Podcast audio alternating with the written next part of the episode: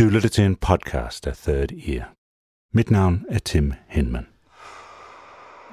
Dette er anden podcast i serien Afgørende Øjeblikke. Serien er lavet i samarbejde med Copenhagen Phil. Og det var oprindeligt meningen, at den podcast skulle høres sammen med en koncert, sammen med Copenhagen Phil. Men på grund af alt det der, du ved, er koncerten ikke afløst, men forsinket – den er udskudt til den 5. og 6. februar 2021 og skal foregå i konservatoriets koncertsal på Frederiksberg. Du kan høre meget mere om forestillingen og om, hvordan du kan købe billetter til allersidste i den her podcast. Afgørende øjeblik nummer to skal handle om den romantisk-tyske komponist Robert Schumann.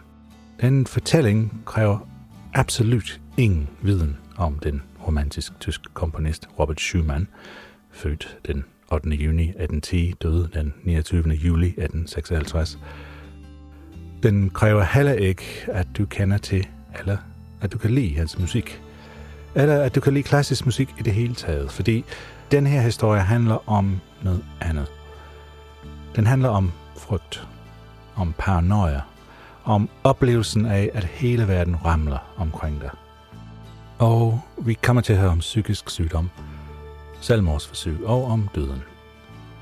Men det kommer også til at være lys og musik, kærlighed, syngende engler og alt muligt andet, der hvor vi skal hen. Vi kommer til at møde en forfatter og musikhistoriker. Romantikken, det er jo der, vi er 1800-tallet. Vi kommer til at møde en psykiater. Psykiatrien der i midten af 1800-tallet er jo langt fra det, vi kender i dag. Og vi skal høre fra en sanger. Det handler om at være og bare blive. Og vi skal også høre fra Clara Schumann. Mit liv vil ligge i dine hænder, og du vil gøre mig lykkelig. Men ikke nu. Den historie begynder højt oppe i himlen.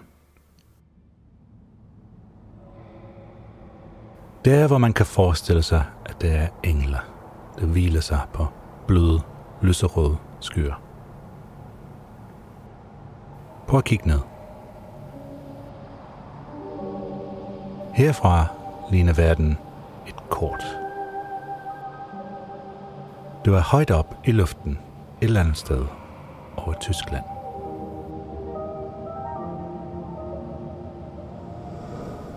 Lad os zoome ind, ligesom et kamera.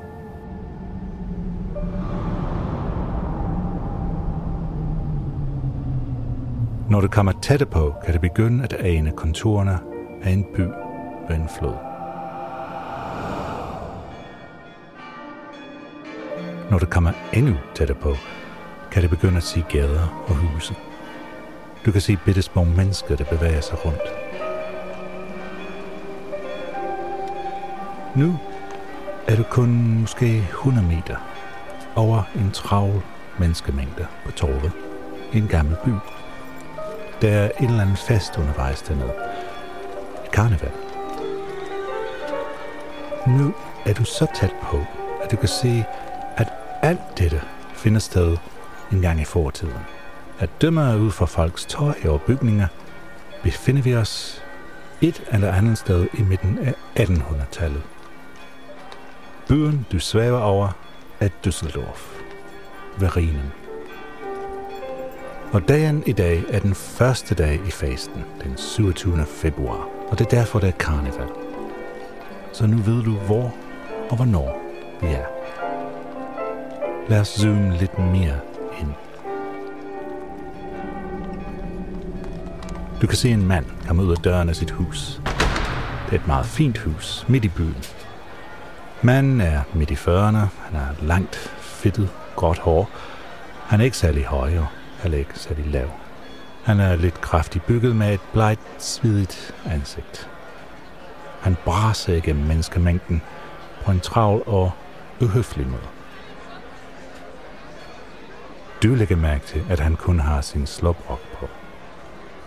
Og at han har bare tager.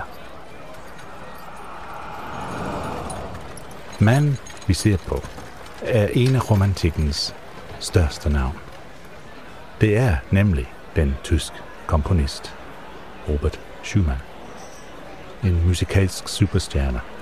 Så tæt man kan komme på en rockstjerne i 1850'ernes Düsseldorf. Han er ofte blevet kaldt genial. Han er også ofte blevet kaldt sindssyg. Selv i dag diskuteres det, om sygdommen netop kunne være nøglen til hans genialitet. Lad os gå endnu tættere på.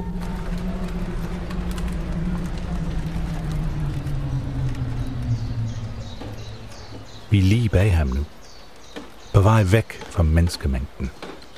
Hastigt på vej ned mod floden. Det er tydeligt at se, at han er bange for noget. Han opfører sig ikke rationelt. Vi følger efter ham ned til en lav bro, der fører hen over floden. Han klatrer hen over gelænderet og ned i en af de både, der ligger tøjet langs broen. Han er meget usikker på benene og læner sig ud over kanten og kigger ned i det hurtigt strømmende grå-grønne vand i rigen. Der er ingen spejling at se. Han glider lydløs ned i vandet. Strømmen river ham med ned ad floden, og han forsvinder under overfladen. Du følger efter ham, ned under vandet. Der kommer bobler ud af hans mund og næsebor. Han er ved at drukne. Han prøver at drukne sig selv. Nu er vi så tæt på, at vi kan komme ind i hans hoved. Gennem det venstre øre. Vi er inde i Robert Schumanns hoved.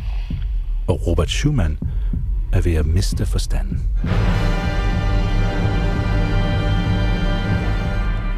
Der er virkelig meget kaos herinde.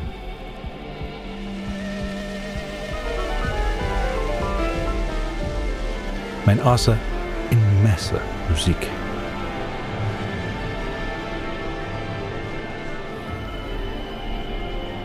Det er som en kæmpestor koncertsal herinde. Med plads til et kæmpestort orkester.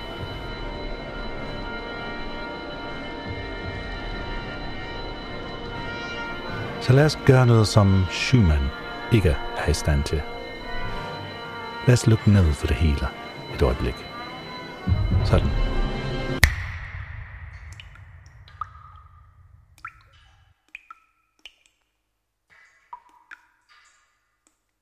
Denne forvirrede og plagede mand, som vi har fulgt indtil nu, og som nu er ved at drukne, kommer kun til at være under vandet i et minut eller to, og så kommer hans hoved til at pop op af vandet igen. Han må hive efter vejret, han må blive reddet. Robert Schumann kommer ikke til at dø i dag. Men det ved han ikke endnu. For en mand, der er ved at drukne, kan et minut synes som timer, dag eller måske et helt liv. Vi har frosset tiden lige her i dette øjeblik. Her i dette afgørende øjeblik. Det er her, vi skal høre fra de stemmer, jeg nævnte tidligere. Så lad dig flyde med strømmen i slow motion. Og så bare lyt.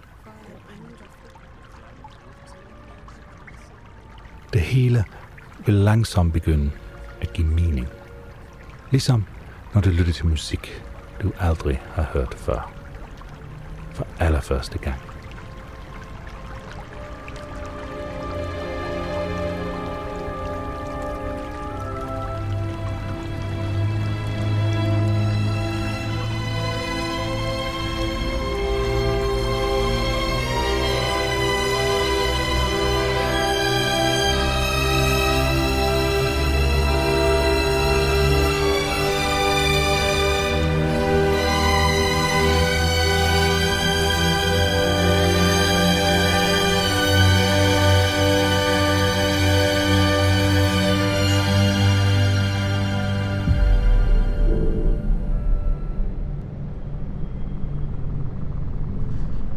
Fredag den 17. ved nattetid, efter vi kortvejet havde læst i sengen, stod Robert op og skrev et tema, som han sagde, englene sang for ham. Efter at have færdiggjort det, lagde han sig igen og fantaserede hele natten. Hele tiden med åbne øjne og blikket rettet mod himlen. Han var overbevist om, at engle svævede over ham og gav ham de mest fantastiske åbenbaringer. Alt i form af fantastisk musik.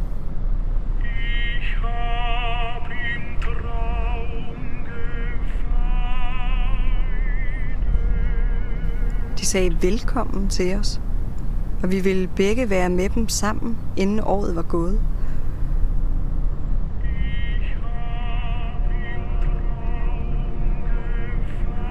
Morgenen ankom, og med den en forfærdelig udvikling. Englenes stemmer forvandledes til redselsfulde dæmoners stemmer med hæslig musik. De fortalte ham, at han var en synder, og at de ville kaste ham i helvede.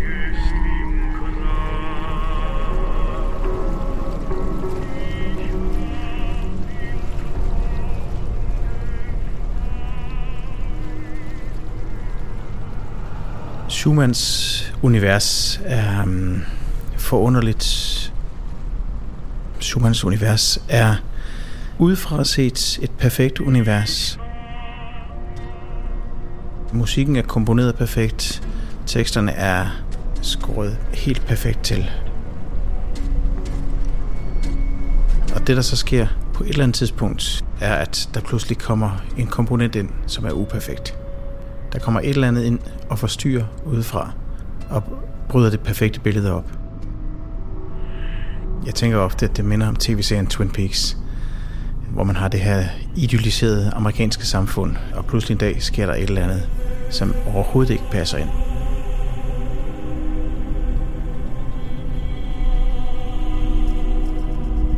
Det minder om et spejl, man kan tabe på gulvet.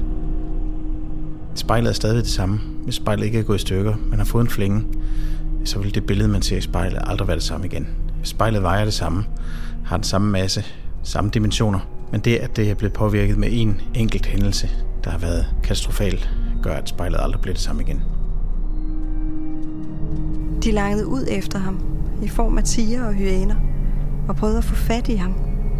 Og to læger, som heldigvis kom hurtigt, kunne knap holde ham fast. Jeg vil aldrig glemme det her syn. Jeg led under torturens ægte pinsler med ham. Efter halvanden times tid blev han roligere. Han hørte venligere stemmer igen, hvilket opmuntrede ham. Lægerne lagde ham i seng et par timer. Så stod han op igen og rettede i sin cellokoncert. Han sagde, at det gav ham et afbræk fra den konstante lyd af stemmer. Han tilbragte søndag den 19. i sengen, plaget af de onde ånder.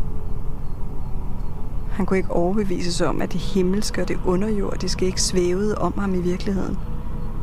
Han troede mig, da jeg fortalte ham, at han var syg. At nerverne i hans hoved var forfærdeligt overanstrengte. Men jeg kunne ikke få ham til blot for et øjeblik at holde op med at tro på ånderne. Tværtimod sagde han flere gange med en vemodig stemme, Du må tro på mig, kæreste Clara, at jeg ikke fortæller dig nogen usandheder.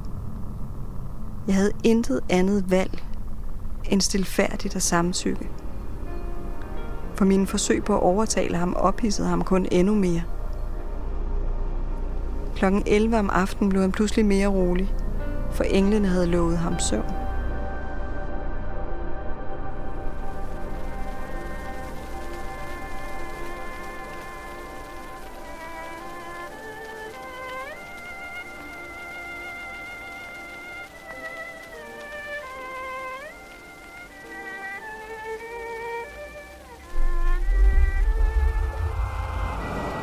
Romantikken, det er jo der, vi er, 1800-tallet. Schumann er på mange måder den mest romantiske af alle komponister. Han læser utrolig meget. Han vil selv være digter, og så kan han spille klaver. Og med romantiske, det er allerede der, han ikke, beslu- han ikke kan finde ud af, han ikke kan beslutte sig for, hvad han vil være som ung. Skal jeg være digter? Skal jeg være komponist? Det er meget romantisk i sig selv, fordi geniet, det er sådan, oh, han kan jo ligesom lidt, lidt vælge, hvor, hvor, hvilken retning han, han skal gå.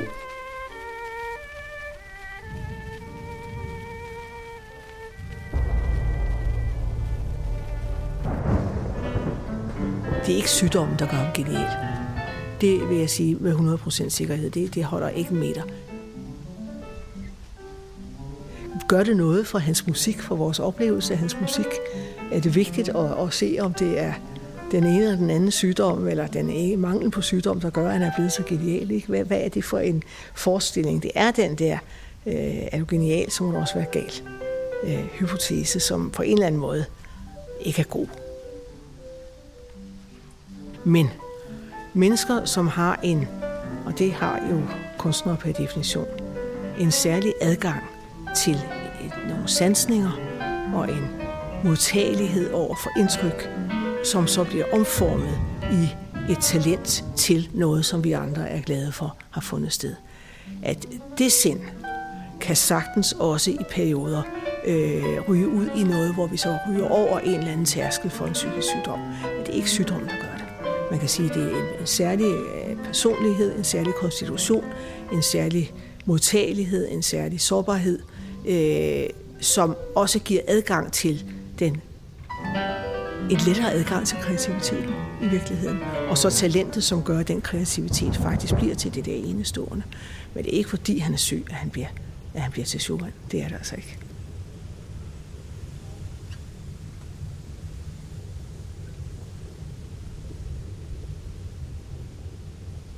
Du bliver ikke, du bliver ikke kunstner af at være gal. Det gør du ikke. Jeg sidder i et rum bag ved koncertsalen. Og så begynder jeg at læse værket. Jeg læser det ikke forfra, jeg læser det bagfra. Så jeg starter med den sidste sang og læser den igennem. Og så lukker jeg øjnene.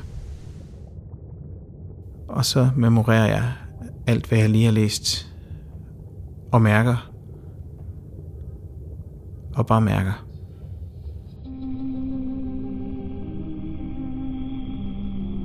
Han øh, har en øh, skade, siger man, i sin, i sin hånd af at øve forkert.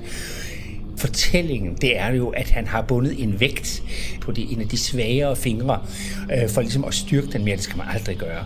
Og, og derfor kan, får han en skade, øh, det man kalder en, en, en musikerlammelse, og, og kan, kan simpelthen ikke, han kan godt spille klaver, men han kan ikke leve af det. Altså, han, han bliver aldrig virtuos på den måde. Og så komponerer han i stedet for. Den her fortælling med skaden i fingeren, jeg har min tvivl om den. Øh, det er nemlig sådan, at da han og, og Clara, øh, Schumann, som jo er og bliver øh, klavervirtuos, hun er datter af en øh, stor klaverlærer, Frederik Wieck, som øh, bliver Schumanns klaverlærer. De finder jo ligesom sammen, og de vil gerne gifte sig, men det vil Frederik Wieck, klaverlæreren, ikke være med til. Jeg tror, at det som Frederik Wieck, klaverlæreren, svigerfaren, han har set, det er, at Schumann han har syfilis. Hvis man øh, ser på syfilis i senere stadier, så er der nogle led. Altså folk har strid, stridende fingre. Det er jo mange, der har, øh, har prøvet at, og, som, som børn at, at lege til te hos dronningen. Og så strider man sådan med lillefingeren og holder koppen med, de, med tommel og, og pegefinger. Og det, man i virkeligheden mimer, det er, at alle de fine i gamle dage, de har siddet og haft syfilis og jeg tror, at Robert han har gemt den der hånd lidt på ryggen, og ikke rigtig vil vise, at han faktisk er syg. Og prøv lige at tænke en, en, en far til sådan en talentfuld, ung pianist inden der, og sende, sende sin datter i armene på sådan en mand, der, der har syfilis. Det er jo, det er jo øh, horror, altså. November 1838. For din skyld vil jeg opgive min far, som jeg elsker mere end nogen anden, bortset fra dig. Jeg vil følge dig uden min fars tilladelse. Det er en stor ting for et følsomt hjerte, og svært, men jeg stoler på dig. Mit liv vil ligge i dine hænder, og du vil gøre mig lykkelig.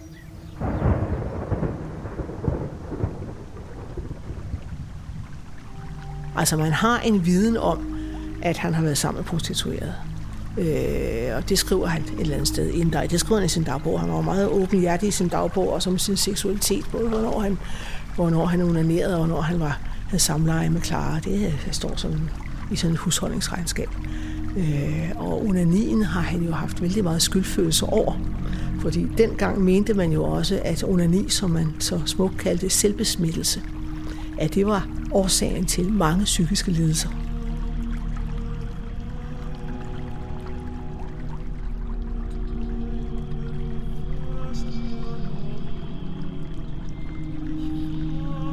Selvbesmittelse under ni, det var absolut forbudt. Og det medførte øh, en ødelæggelse af hjernen og nervesystemet og sindet. Ja. Så han har også skulle slås med gennem årene øh, følelsen af, at han selv har gjort noget galt. Ikke? Det var jo meget, øh, skal vi sige, borgerligt moralsk samfund.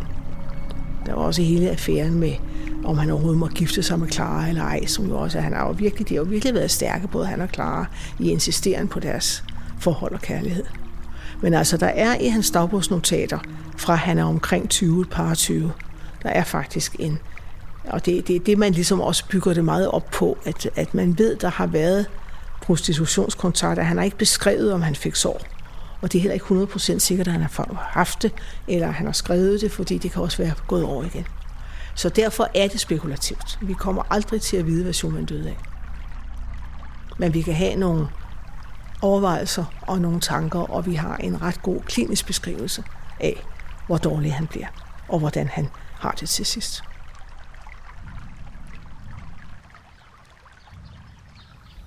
20. september 1840. Jeg er helt sikkert den lykkeligste hustru på jorden. Det forekommer mig, at jeg elsker dig mere for hvert minut, og jeg kan ærligt sige, at jeg kun lever gennem dig.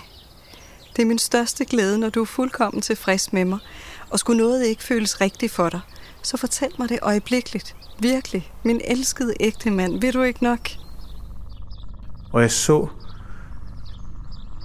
natten i dit hjertes rum, og jeg så slangen, som åd hjertet, og jeg så dig, min kære, hvor elendigt du så ud. Jeg bærer ikke af. Ich gerolle nicht. Und wenn das Herz auch bricht, ewig verlorenes Lieb.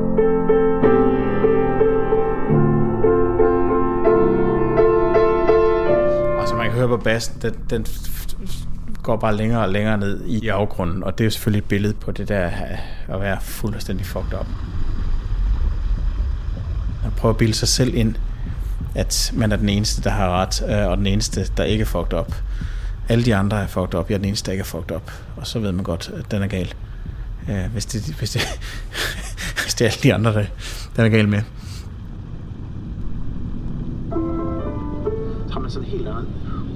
Unwüstens die Blumen, die Kleinen, mit tief verwundet mein Herz. Unwüstens die Blumen, die Kleinen, mit tief verwundet mein Herz. Mit tief verwundet mein Herz. Jeg vil sige, at psykiatrien der i midten af 1800-tallet er jo langt fra det, vi kender i dag. Så det, man havde at holde sig til, det var cirka fire øh, overordnede diagnoser, og det var demens, og det var, det var melankoli, og så var det mani, og så var det delirium. Melankoli, at man går ind i sig selv, man ligesom mangler livsmodet, man mangler håb, man mangler fremtidsvisioner, men man er totalt indadvendt i en tilstand, hvor man ikke synes, at der er noget ved noget som helst. Og det begreb er jo det, der senere er videreført i dagens depressionsforståelse, hvor man også taler om en melankolsk depression. De små blomster vidste de, øh, hvordan mit hjerte var blevet såret. Så vil de have grædt med mig for hele mit hjertes smerte. Og vidste nattergalen, hvor elendig og ked af det jeg var, jamen så ville de have opmuntret mig med deres lette nattergalesang. Og hvis de havde vidst det, de små gyldne stjerner på himlen langt væk, så ville de være kommet ned fra højden i universet, og så ville de have hjulpet mig med at tale mig til rette. Men der er ikke nogen af dem, der kan vide det. Der er kun én, der kender min smerte.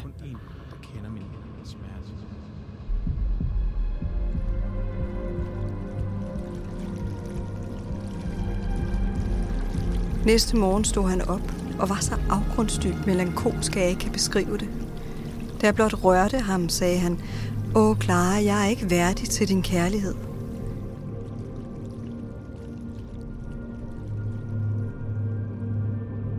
Og så er der manien. Og manien, det er jo sådan set det modsatte.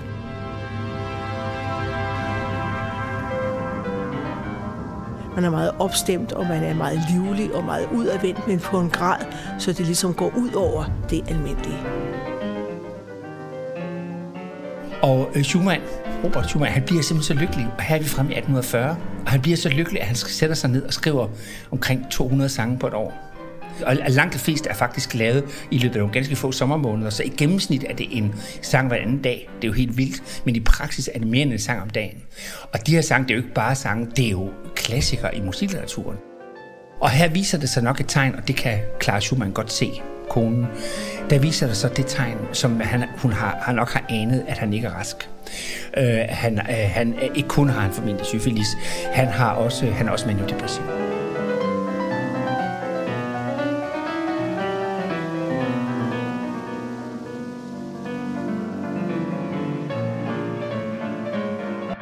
Og så taler man om deliret. Og deliret, det er en tilstand, hvor man øh, vil sige, i dag bliver psykotisk. Altså man bliver sindssyg, man bliver hallucineret, man bliver agiteret, og det vil sige, at man bliver urolig, restløs, ikke kan være nogen steder. Man holder ikke sammen på sine tanker. Man kan se syner, man kan høre, som Schumann gjorde. Han hører jo vældig meget musik. Han har jo øh, musikhallucinationer, hvilket i sig selv er et meget interessant felt, fordi det er ikke så almindeligt hos andre musikere. Og hallucinationer betyder jo meget kort, at man hører ting, hvor der ikke er noget ydre stimuli, der påvirker sansningen.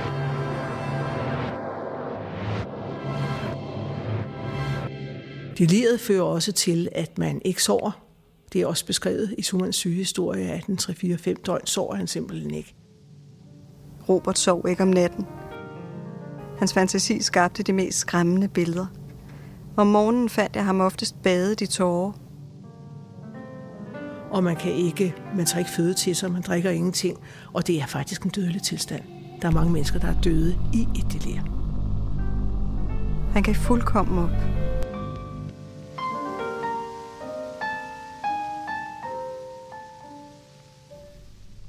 Og så er der demensen, og det er jo sagt kort en sløvelse af åndsevnerne, hvor man øh, ikke kan huske længere.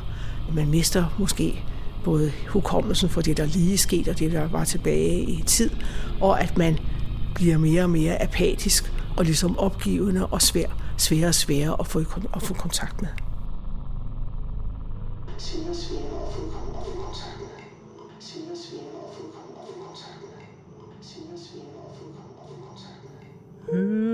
Ich das Liedchen klingen, das einst die Liebste sang. So will mir die Brust zerspringen. Og så kommer overraskelsen her. Von wildem Schmerzendrang. Og så er det, man bliver drevet mod skov, skovhøjderne. Es treibt mich ein dunkles Sehnen hinauf zur Waldeshöhe. Og bemærk den her hø, der ligger en spænding øh, i den her akkord, som øh, er det, man i musiksprog kalder en tritonus, eller diabolus in musica, djævlen i musikken, som er det uforløste. Schumann har været helt øh, opmærksom på den her uforløste, øh, man mærker, man er ikke kommet i mål med den her Not, og så siger den løst sich auf in Tränen mein übergroßes Wien.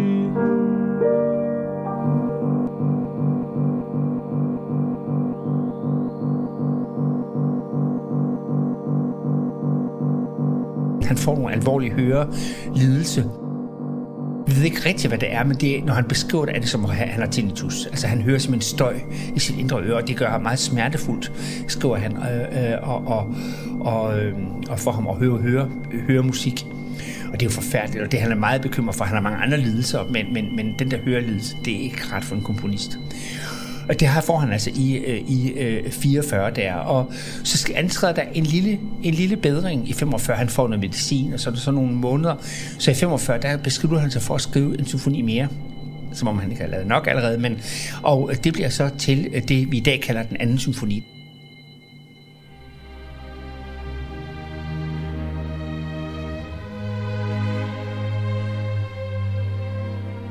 Altså, det er fantastisk musik, altså.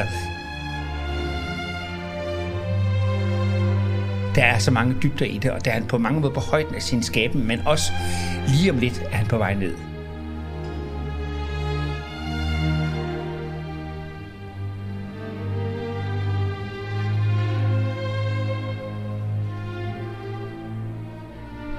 efter øh, den her symfoni i, i 45, den anden symfoni, så går det langsomt ned af, af bakke.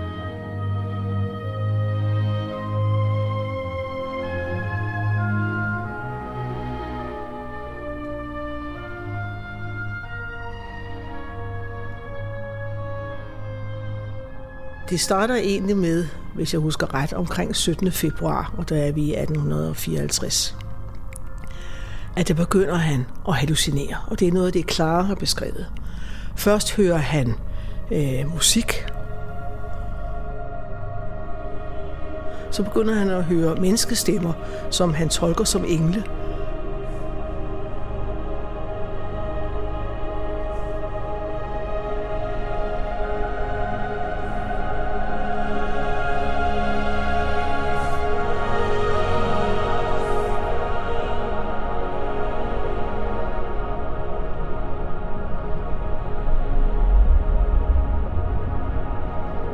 Så på et tidspunkt bliver han meget fortvivlet, og så begynder han at høre djævelens stemme. Et vældig skift fra englen, glæden, og så til djævlen og søndefuldhed.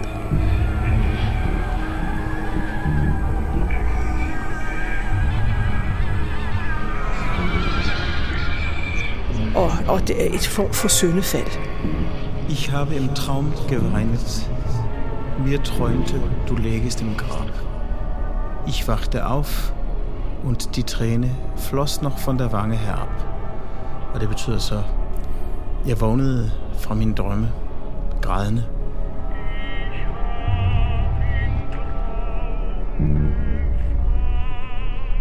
Jeg drømte, at du lå i din grav. Jeg vågnede, og tårne løb stadig ned af mine kinder.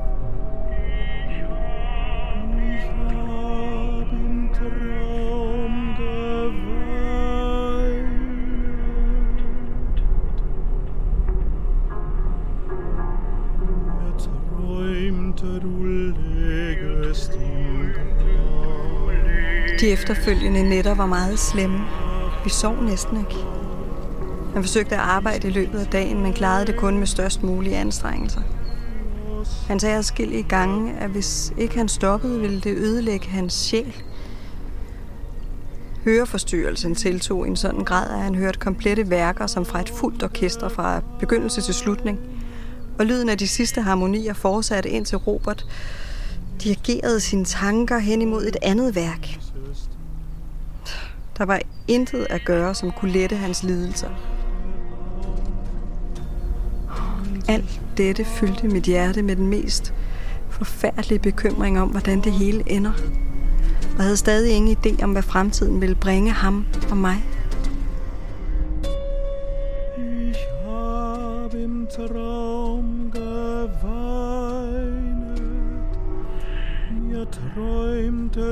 Wärst mir noch gut. Altså, jeg vågnede fra min drøm, og jeg drømte, at du havde forladt mig.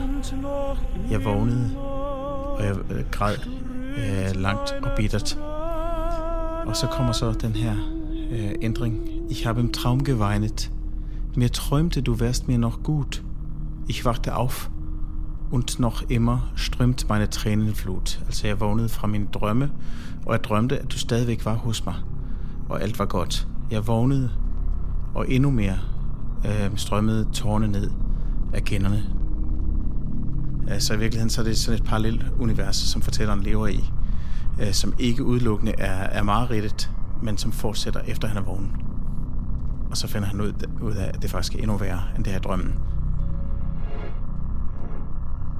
Og så på et eller andet tidspunkt, så gør han det, at han hopper i rigen.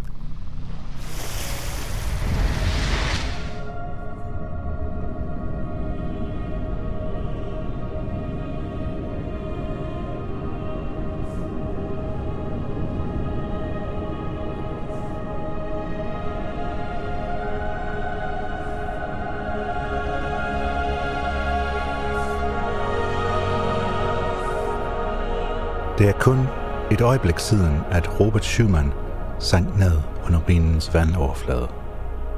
Og kun et øjeblik siden, vi sank ned sammen med ham.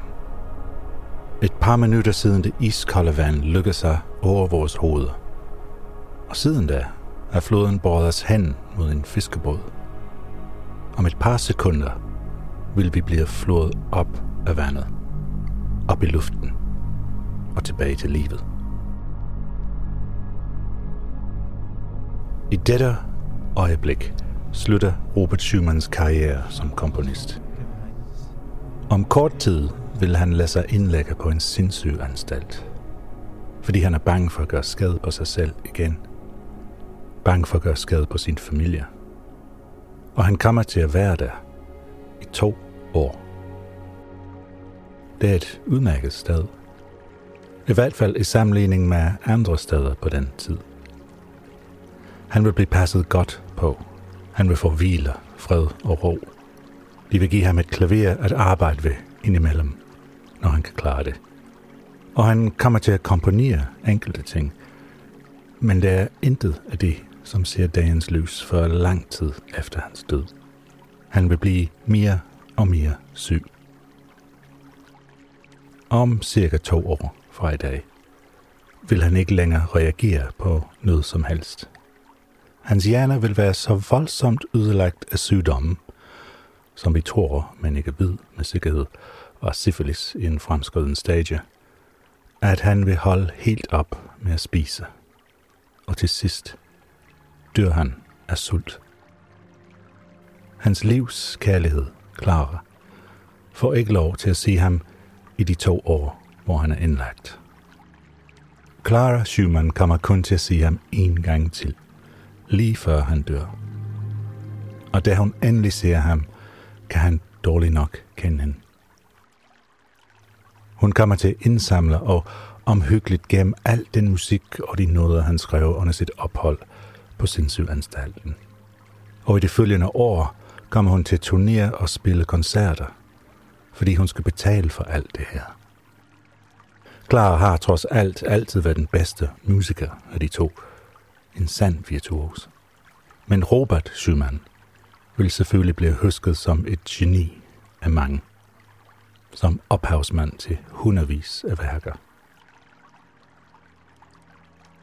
Han bliver kun 46 år gammel, før han dør på sindssygehospitalet.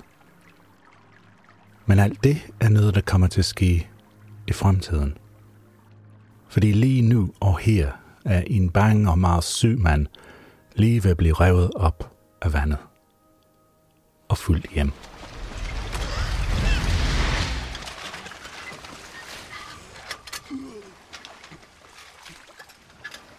4. marts 1854. Robert klædte sig på i stor hast og steg ind i vognen til sin læge og de to assistenter.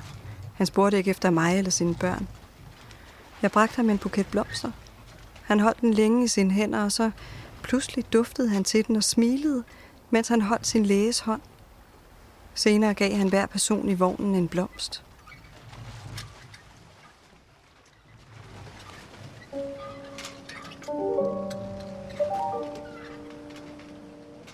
– 27. juli 1856. Han smilede til mig og omfavnede mig med stort besvær, for han kunne ikke længere styre sine lemmer. Jeg vil aldrig glemme det. Jeg vil ikke bytte denne omfavnelse for alle verdens skatte. Min Robert, det er sådan, vi må mødes igen. Med hvilken anstrengelse jeg måtte søge efter din elskede udtryk. Hvilket billede på smerte. Hans ansigt var smukt i døden. Panden så transparent og nænsomt rundet. Jeg stod ved min højt elskede ægtemands lig og var rolig. Alt jeg følte var taknemmelighed til Gud, for at han endelig var fri. Og som jeg knælede ved hans seng, blev jeg ramt af en hellig følelse. Det var som om hans storslåede ånd svævede over mig. Havde han dog bare taget mig med sig. Jeg bød et. Clara Schumann.